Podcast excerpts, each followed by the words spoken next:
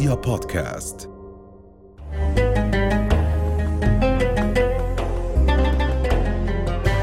حلقة جديدة من ساعة محبة لنرتقي سويا السلام عليكم ورحمة الله وبركاته أيها الأعزاء كيف نفهم التاريخ؟ كيف ندرس التاريخ؟ هل ندرس التاريخ من أجل الهروب من الواقع؟ من أجل تبرير أخطاء الواقع؟ هل التاريخ هو نص مقدس لا أخطاء فيه؟ لا يمكن أن نعيد فهمه لا يمكن أن ننتقده. ليس فقط نحن كعرب أو كمسلمين. التاريخ الإنساني أليس هو تجارب بشرية تحتمل الخطأ والصواب؟ هذه التجارب كيف يمكن أن نستثمرها؟ كيف يمكن أن نبني عليها؟ البحث عن العبرة البحث عن الحكمة هل التاريخ يعيد نفسه؟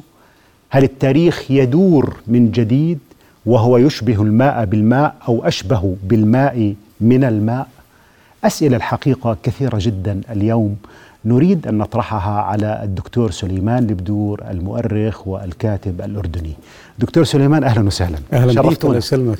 آه، التاريخ يعني هو تاريخ عاقل كما يقول هيجل والتاريخ آه، يجب أن نقرأه من خلال الفكر ويجب أن ننظر إليه كواقع يحدث بسبب التغيرات الاجتماعية وتغيرات الظروف وبسبب أيضا آه، آه، آه، القوة.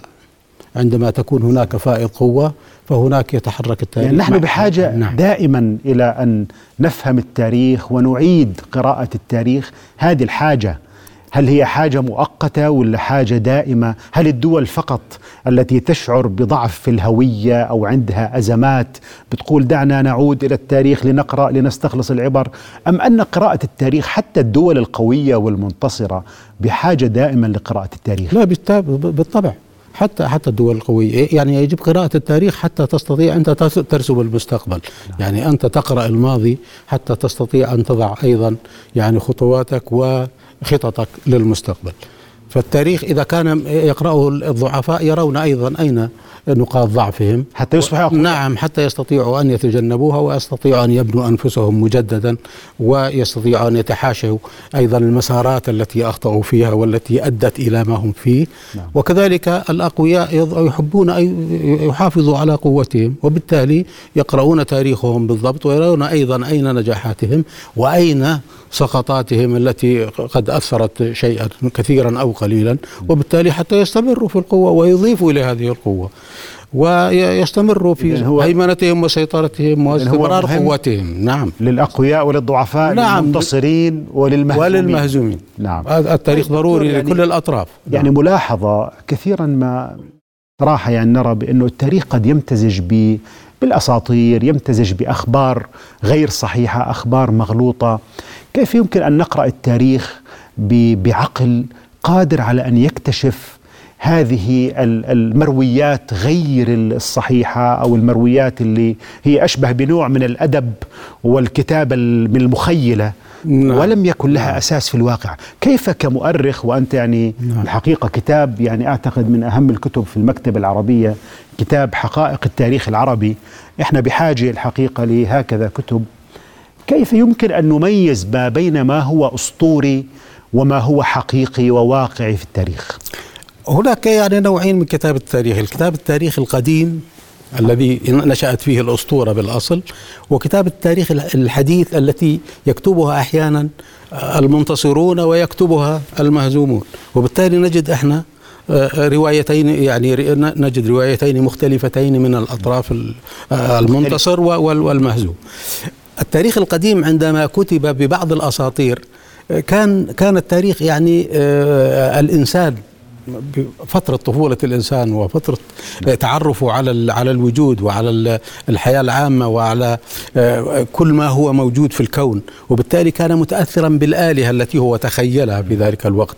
الآلهة آه، مثل آه، السومريين مثلا تموز أو مثل مردوك البابلي أو مثل عشتار الكنعاء إلى آخره. هذا كانوا يتخيلون هذه الآلهة وهي هي التي تسيطر آه والتي يعني هم يخضعون لها ويريدون لها أن تنصرهم أو يريدون أن تقدم لهم الخير. وبذلك كانوا يقلدونها كبشر أيضا. هم يفكرون أن يقلدوا هذه يريدون للإنسان أن يصل لمستوى هذه القوة الخارقة. وبالتالي صاروا يؤلفون قصصا عن أبطال خارقين يستطيعون أيضا أن يصبحوا قريبا من الآلهة. والله هون هون دكتور نقطة نعم. مهمة. نعم. اللي هي قصص الأبطال. يعني في كثير من الأحيان محاولة إظهار شخصية بإعطائها مبالغة أو نوع من المبالغة في إظهار قوتها أو كذا. يعني حتى في تاريخنا الإسلامي يعني أنه يعني بعض الشخصيات أنه يواجه مثلا مئات الخصوم أو الإعداد وحده يفعل كذا وكذا. آه هذا النوع من المبالغة ومحاولة إظهار معاني البطولة والقوة الشديدة لبعض الشخصيات. يعني كيف نتعامل مع هذا النوع من التاريخ؟ نتعامل معه يعني بقراءة فكرية أنه يعني مبالغ فيه أحيانا وهو يعني غير واقعي مئة بالمئة وله أصلا هو بالأصل له نزعتان نزعة التشبه بالآلهة ووصول الإنسان إلى أقصى قدر فوق من, الطبيعة. من القوة نعم الطبيعة. ويصل قوة الطبيعة ومن ثانيا يعني إخافة الأعداء بقوته وبقوة آلهته التي هو نعم. كان يعبدها الآلهة المنفصلة هذه لأنه لكل مجموعة اجتماعية كان لها آلهة الخاصة وبالتالي لكل دولة ولكل قومية ولكل كان لها آلة الخاصة. فكانوا يمجدونها ويعظمونها ويقوون من أبطال من عندهم من من من يعني منهم أيضا لإخافة الأعداء بآلهتهم وبأبطالهم ولذلك نجد إحنا مثلا الأشوريين سنحاريب أو أو أو اي, أي, أي واحد من نعم. أبطال الأشوريين قادتهم يأتون عندما يهزمون مثلا آه، عندما هزموا مثلا قوات عربية أو أو في منطقة شمال الجزيرة آه، يجد أن يكون وكان عند القبائل أكثر من صنم وأكثر من إله كان يقول أنني كتبت اسم آلهتي على آل على كل على آلهتهم جميعا. يعني على كل إله من عندهم كتب آشور. نعم. الإله آشور تبعهم. وبالتالي هو يريد أن يعظم علامة نصر. علاقة نصر. علامة نصر. علاقة نصر. إنه هذا الإله تبعه هزمه وهو بطل ويحاول أن يصل بهذا. طبعا من ناحية نزعة أن يصل إلى قوة هذه الإله ويفتخر بهذا الإله الذي يعني ساعده على هزيمة الأعداء وكتب اسمه على على على آلهتهم. جميل. آلهة يعني إله هزم آلهتهم أيضا. هذا التداخل بين دعنا نقول تاريخ الآلهة وأحيانا التاريخ الديني عموما وبين التاريخ البشري. هذا التداخل وهذه أيضا القوة اللي أحيانا يعني قد يكون هناك شيء من القوة التي توهب لبعض البشر من خلال بعض الآلهة. هذا التداخل بين تاريخ الآلهة وتاريخ البشر. يعني أنا عندي حقيقة مثال أريد أن أستمع آه، آه، لرأيك.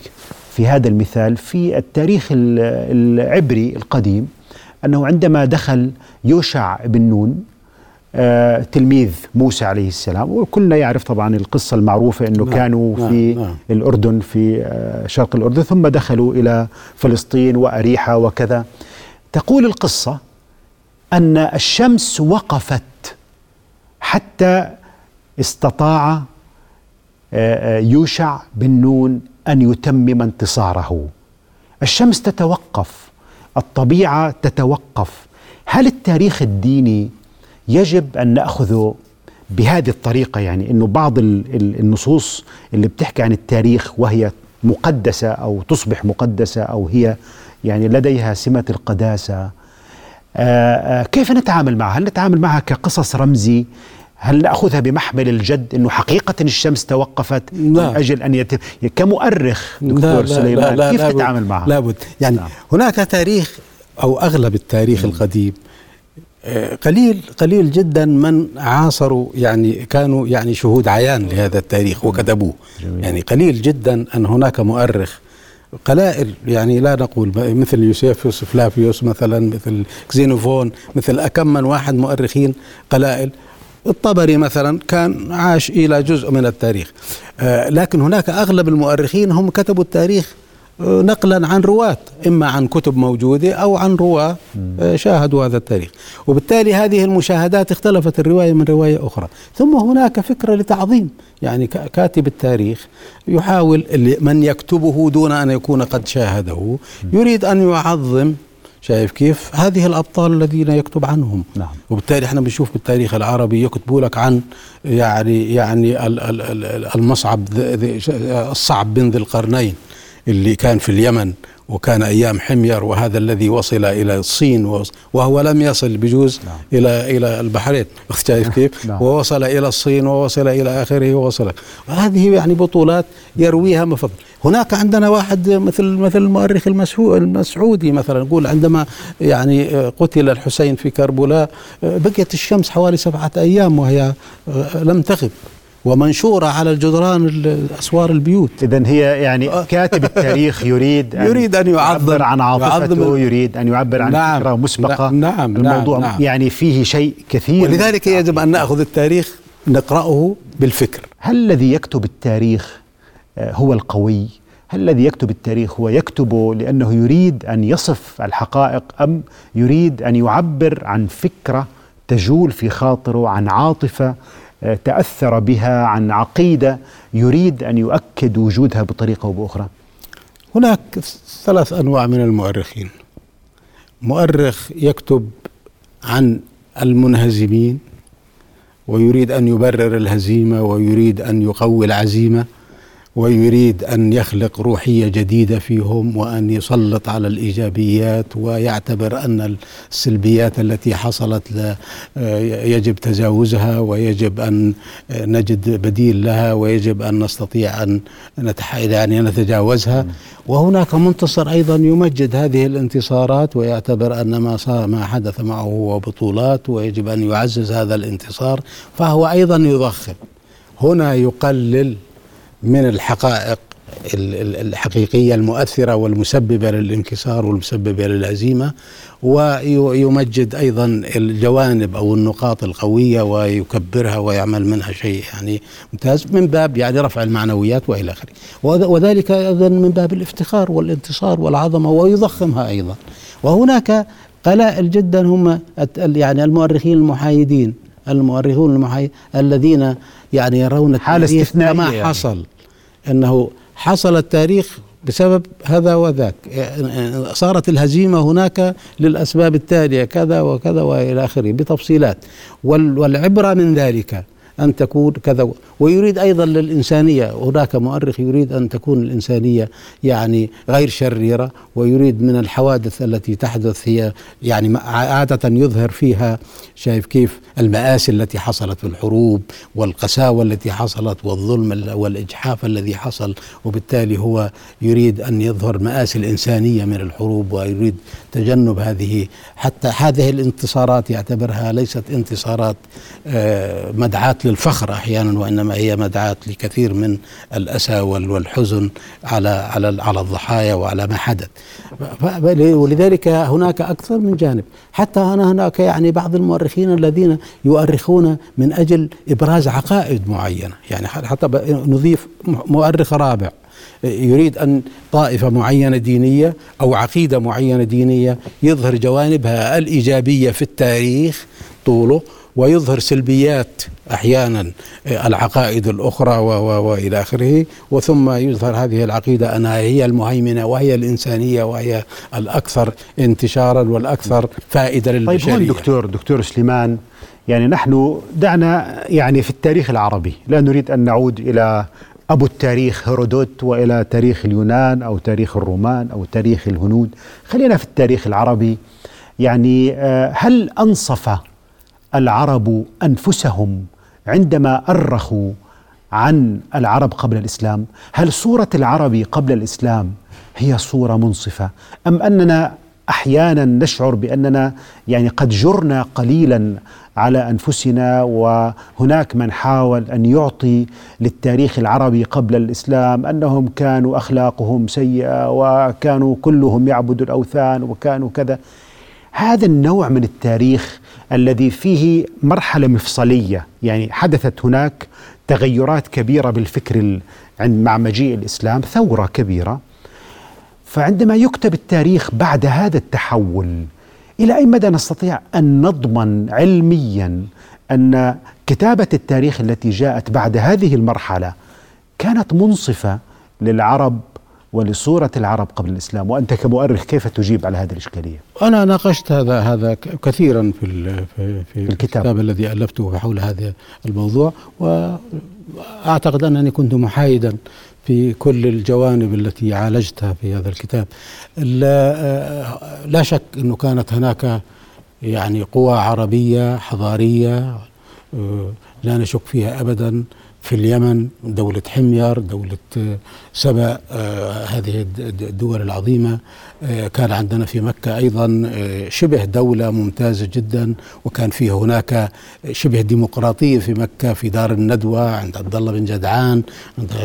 وكان أيضا عندنا دولة تدمر وهي دولة عربية كانت زنوبيا ملكة عظيمة جدا وكان تاريخ فظيع. استطاعت زنوبيا أن تحتل آسيا الصغرى وتستطيع أن أن تفتح مصر. قائدها زبدة نعم. استطاعت سنة 272 طبعا كانت وان تحرر من الرومان لفترة طويلة إيه، إيه، زنوبيا وهناك ملكات أيضا كانت في القديم كانت المرأة كانت يطيعة في بلاد الشام كانت تعلخنو في إيه، الأدومية في في مناطق أخرى في شمال الجزيرة نعم. وكان يعني فكان هناك تاريخ ناصع ما في شك وبعدين إحنا الشعر العربي وهذا اللي الذي نعرفه الثقافة العربية عكاظ نعم.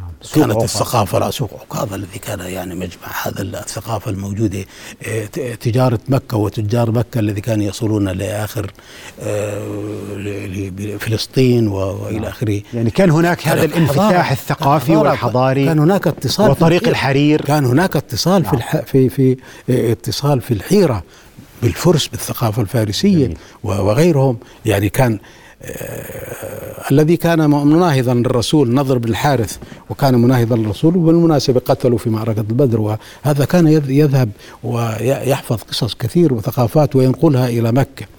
هلا يعني كانت أيضا التجاره مزدهرة مثل ما تتفضل. تجارة يعني يعني طريق الحرير القادمة هي من الهند وتمر بمأرب. دكتور, دكتور سليمان يعني نقطة مهمة أشرت لها إنه نحن هل يعني نستطيع أن نعزل التاريخ العربي عن التاريخ الإنساني؟ هل هناك إمكانية أن ندرس التاريخ القومي أو التاريخ الخاص بأمة أو بثقافة معينة أو جغرافيا معينة بعيدا عن حركة التاريخ المحيطة؟ هل هذا ممكن أم أننا يجب أن نأخذ بعين الاعتبار دائما هذا التداخل بين هذه الثقافات والدول والحضارات المختلفة؟ مستحيل طبعا. أيوة. يجب أن نقرأ كل التاريخ التاريخ الإنساني واحد أيوة. تقريبا يعني. مم. التاريخ الإنساني واحد حركته واحدة. يعني أعطيك مثال بسيط جدا. يعني صناعة الورق. صناعة الورق بدأت في سمرقند. شايف كيف؟ بدأت في الصين. نعم. بدأت في الصين. ووصلت إلى سمرقند أيام العرب. وأيام نفس التاريخ العربي لو التاريخ العربي كان يعني تاريخ مديد وانظر طويلة. المهولة في الحضارة العربية. نعم نعم, نعم. وانتقل من من سمرقند إلى طبرية ومن طبرية إلى الأندلس ومن الأندلس إلى أوروبا. إلى أوروبا إلى فرنسا وفي قرية في جنوب فرنسا اسمها تير هناك فيها مصنع للورق كيف جاء من العرب. جميل. قرية في جنوب فرنسا اسمها تير وقد زرتها شخصيا. وفيها كيف انتقل الورق من العرب ومسيرته من سمرقند حتى وصل إلى جنوب فرنسا. فالحضارة الإنسانية واحدة نحن نضيف لما قبلنا وبعدنا يضيف لما هو موجود نحن استفدنا استفادوا كثير من حضارتنا الأوروبيين كثير كثير من حضارة الأندلس ومن حضارة العرب إذا لا يمكن أن ندرس يعني تجربة حضارية مثلا لا يوجد. العربية أو الرومان لا يوجد. اليونان دون لا أن ننظر إلى هذه الحواضن أو هذه المشتركات ولذلك التاريخية. ولذلك لا أتفق اتفاقا كاملا مع ما ما ما قيل أو ما كتب مثل هنينغتون مثلا صراع الحضارات. لا توجد صراع حضارات هي حضارة واحدة. ثقافات. حضارة واحدة وثقافات. مختلفة. نعم. توجد ثقافات. لكن الحضارة شجرة. الحضارة شجرة. كل واحد يبني فيها يضع فيها غصن. حتى تستظل هذه الشجرة. وتنتقل الشجرة من واحد إلى واحد. هذاك يضيف عليها غصن وهذاك غصن وهذاك غصن. حتى تصل يعني يعني دكتور هي إذا التاريخ ليس تاريخ حروب وليس تاريخ صدامات وعداءات. التاريخ هو أوسع من ذلك. طيب لماذا هناك من يقرأ التاريخ على أنه قصة حروب أو على أنه عبارة عن مجموعة قصص لمصادمات وحروب بين الشعوب وبين الأقوام؟ ما هذه القراءة للتاريخ؟ دكتور دكتور يعني التاريخ هو الحوادث. لا نحن نحن لدينا كلمتان. التاريخ وهو الحوادث نعم. والتأريخ التأريخ تسجيل الحوادث. في التاريخ أولم يسيروا في الأرض فينظروا كيف كانت عاقبة الذين من قبلهم كانوا أشد منهم قوة. فهذه النظرة دكتور سليمان على أهمية العودة لقراءة التاريخ والحديث هنا في هذه الآية أشد قوة. الحديث عن القوة وأنه الاعتداد بالقوة وأن من يعتد بالقوة في الواقع البشري فهو لم يقرأ التاريخ جيدا. قضية القوة هل من يصنع التاريخ هم الأقوياء وأن الضعفاء هم فقط مجرد متفرجين؟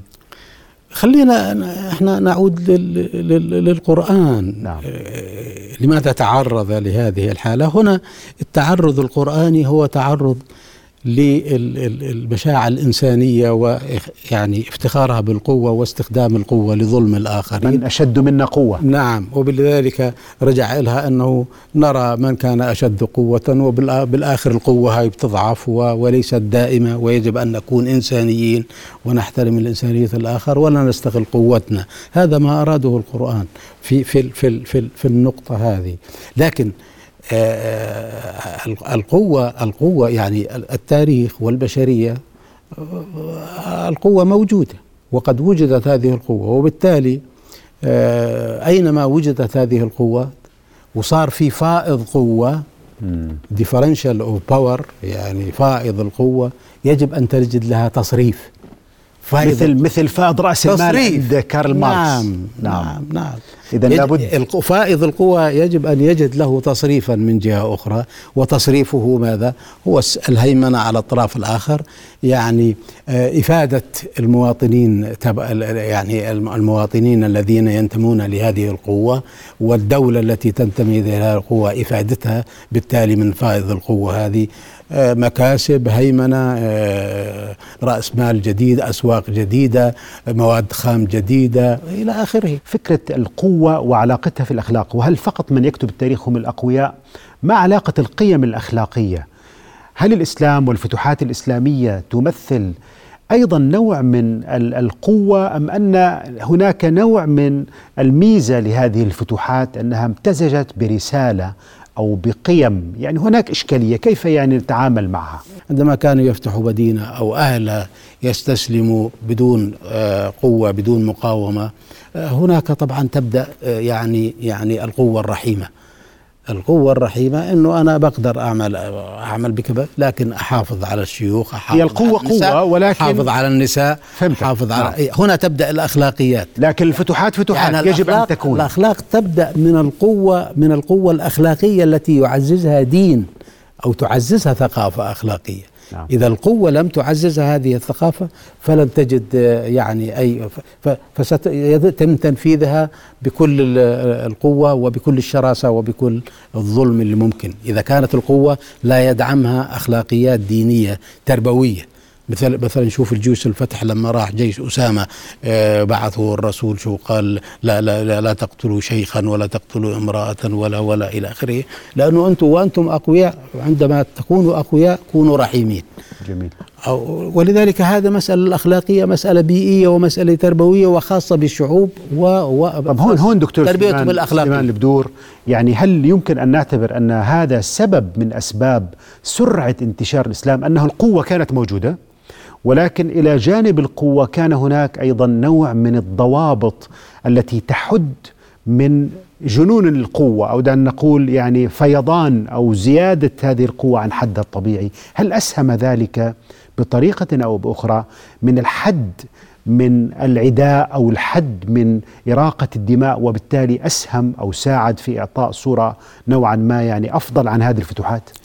سيد الإسلام لما يعني خارج الجزيرة العربية لم يفرض يعني الإسلام بالقوة يعني كانت هناك في الجزيرة العربية فترة من الفترات كان يعني لكن الفتوحات الإسلامية كانت يعني تدخل أولا من لم يقاوم يعتبروا يعني ما في مشكلة إطلاقا بينهم وبينه. إذا دخل الإسلام دخل الإسلام وإن لم يدخل الإسلام دفع ضريبة أو جزية مقابل الضريبة اللي الزكاة اللي بدفعها المسلم. وبالتالي اعتبر من الرعاية الإسلامية. ومع الزمن مع الزمن الناس لوحدها راحت تدخل في الإسلام على أساس إنه والله المجتمع صار كله إسلامي وبالتالي يجب أن يعني من الظروف مع الزمن. ولم ينتشر الإسلام في في أسبوع وفي سنة وفي سنتين وفي عشر سنين. أخذ الإسلام سنوات أخذ خمسين ومئة سنة حتى انتشر بهذا الانتشار. وهناك ناس بقوا على دينهم فترات طويلة. وشوف كمان كمان الإسلامي يعني الإسلام لم لم يهدموا صنما.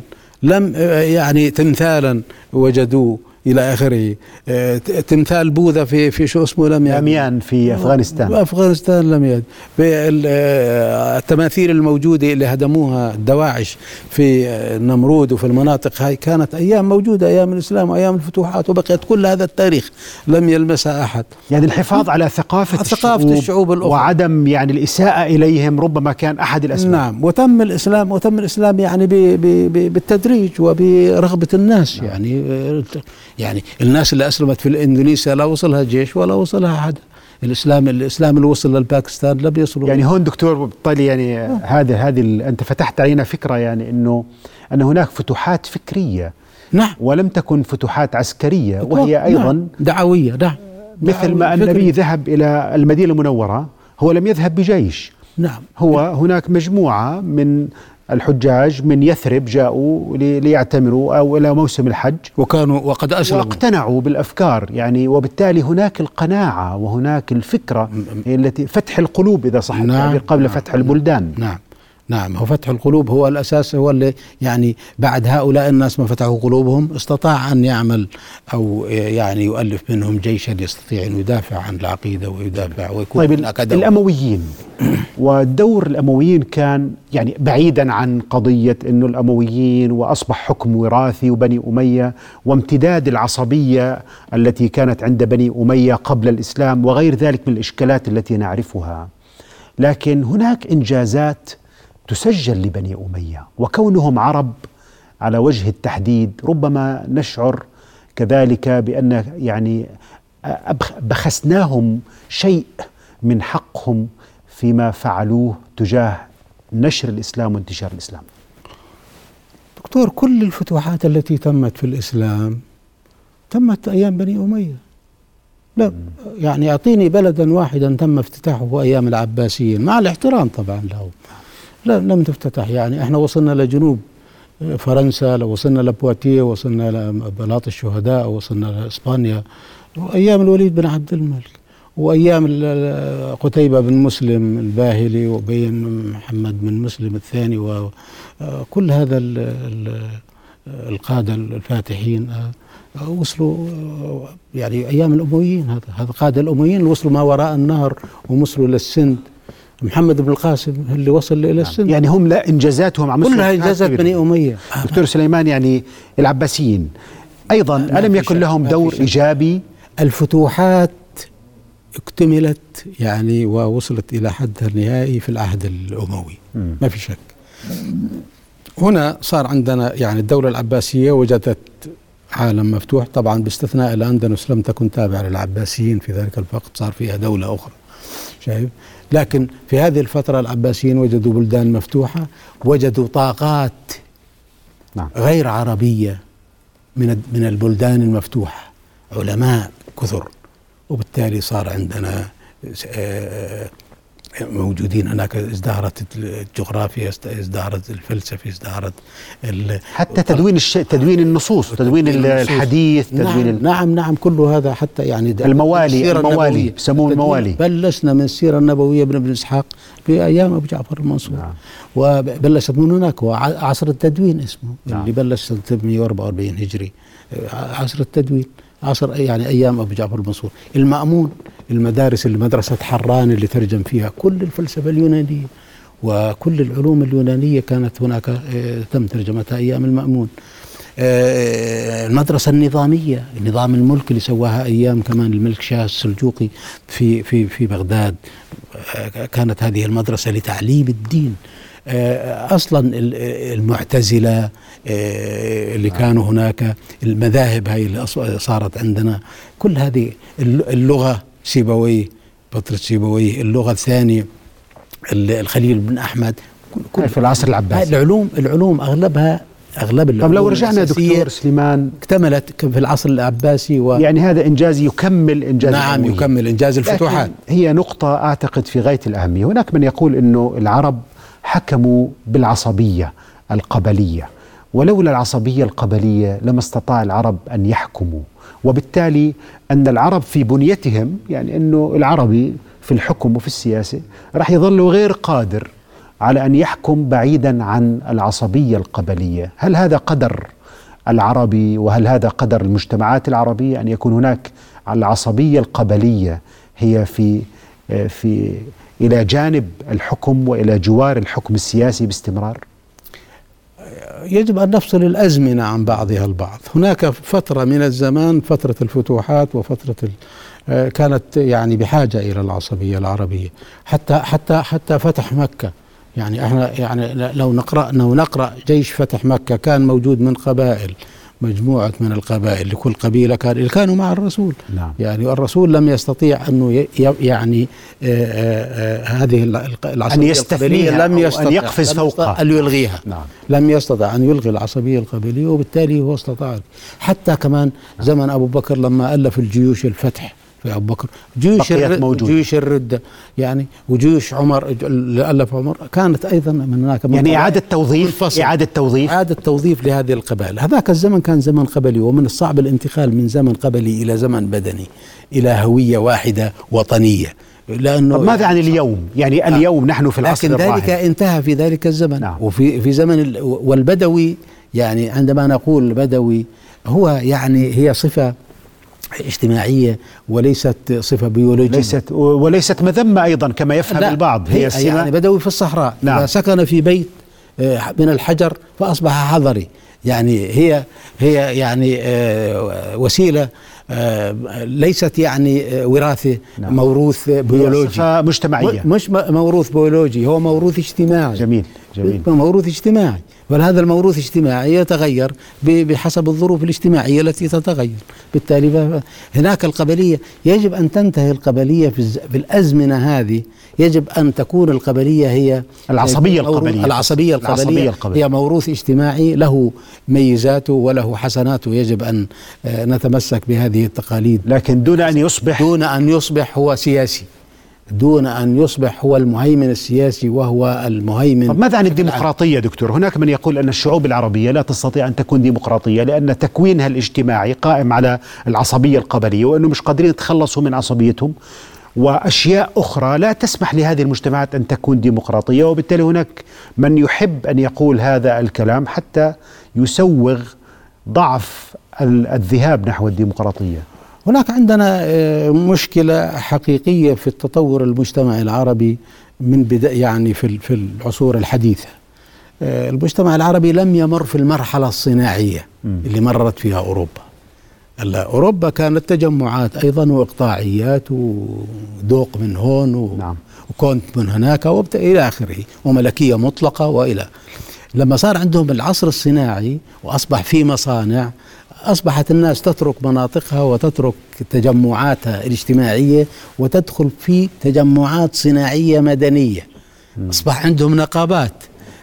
النقابة هنا لا لا لا يعني تجمع بين كل العائلات صارت النقابة هي يعني يعني انتمائها للمصنع وانتمائها للهدف وانتمائها لجهات أخرى.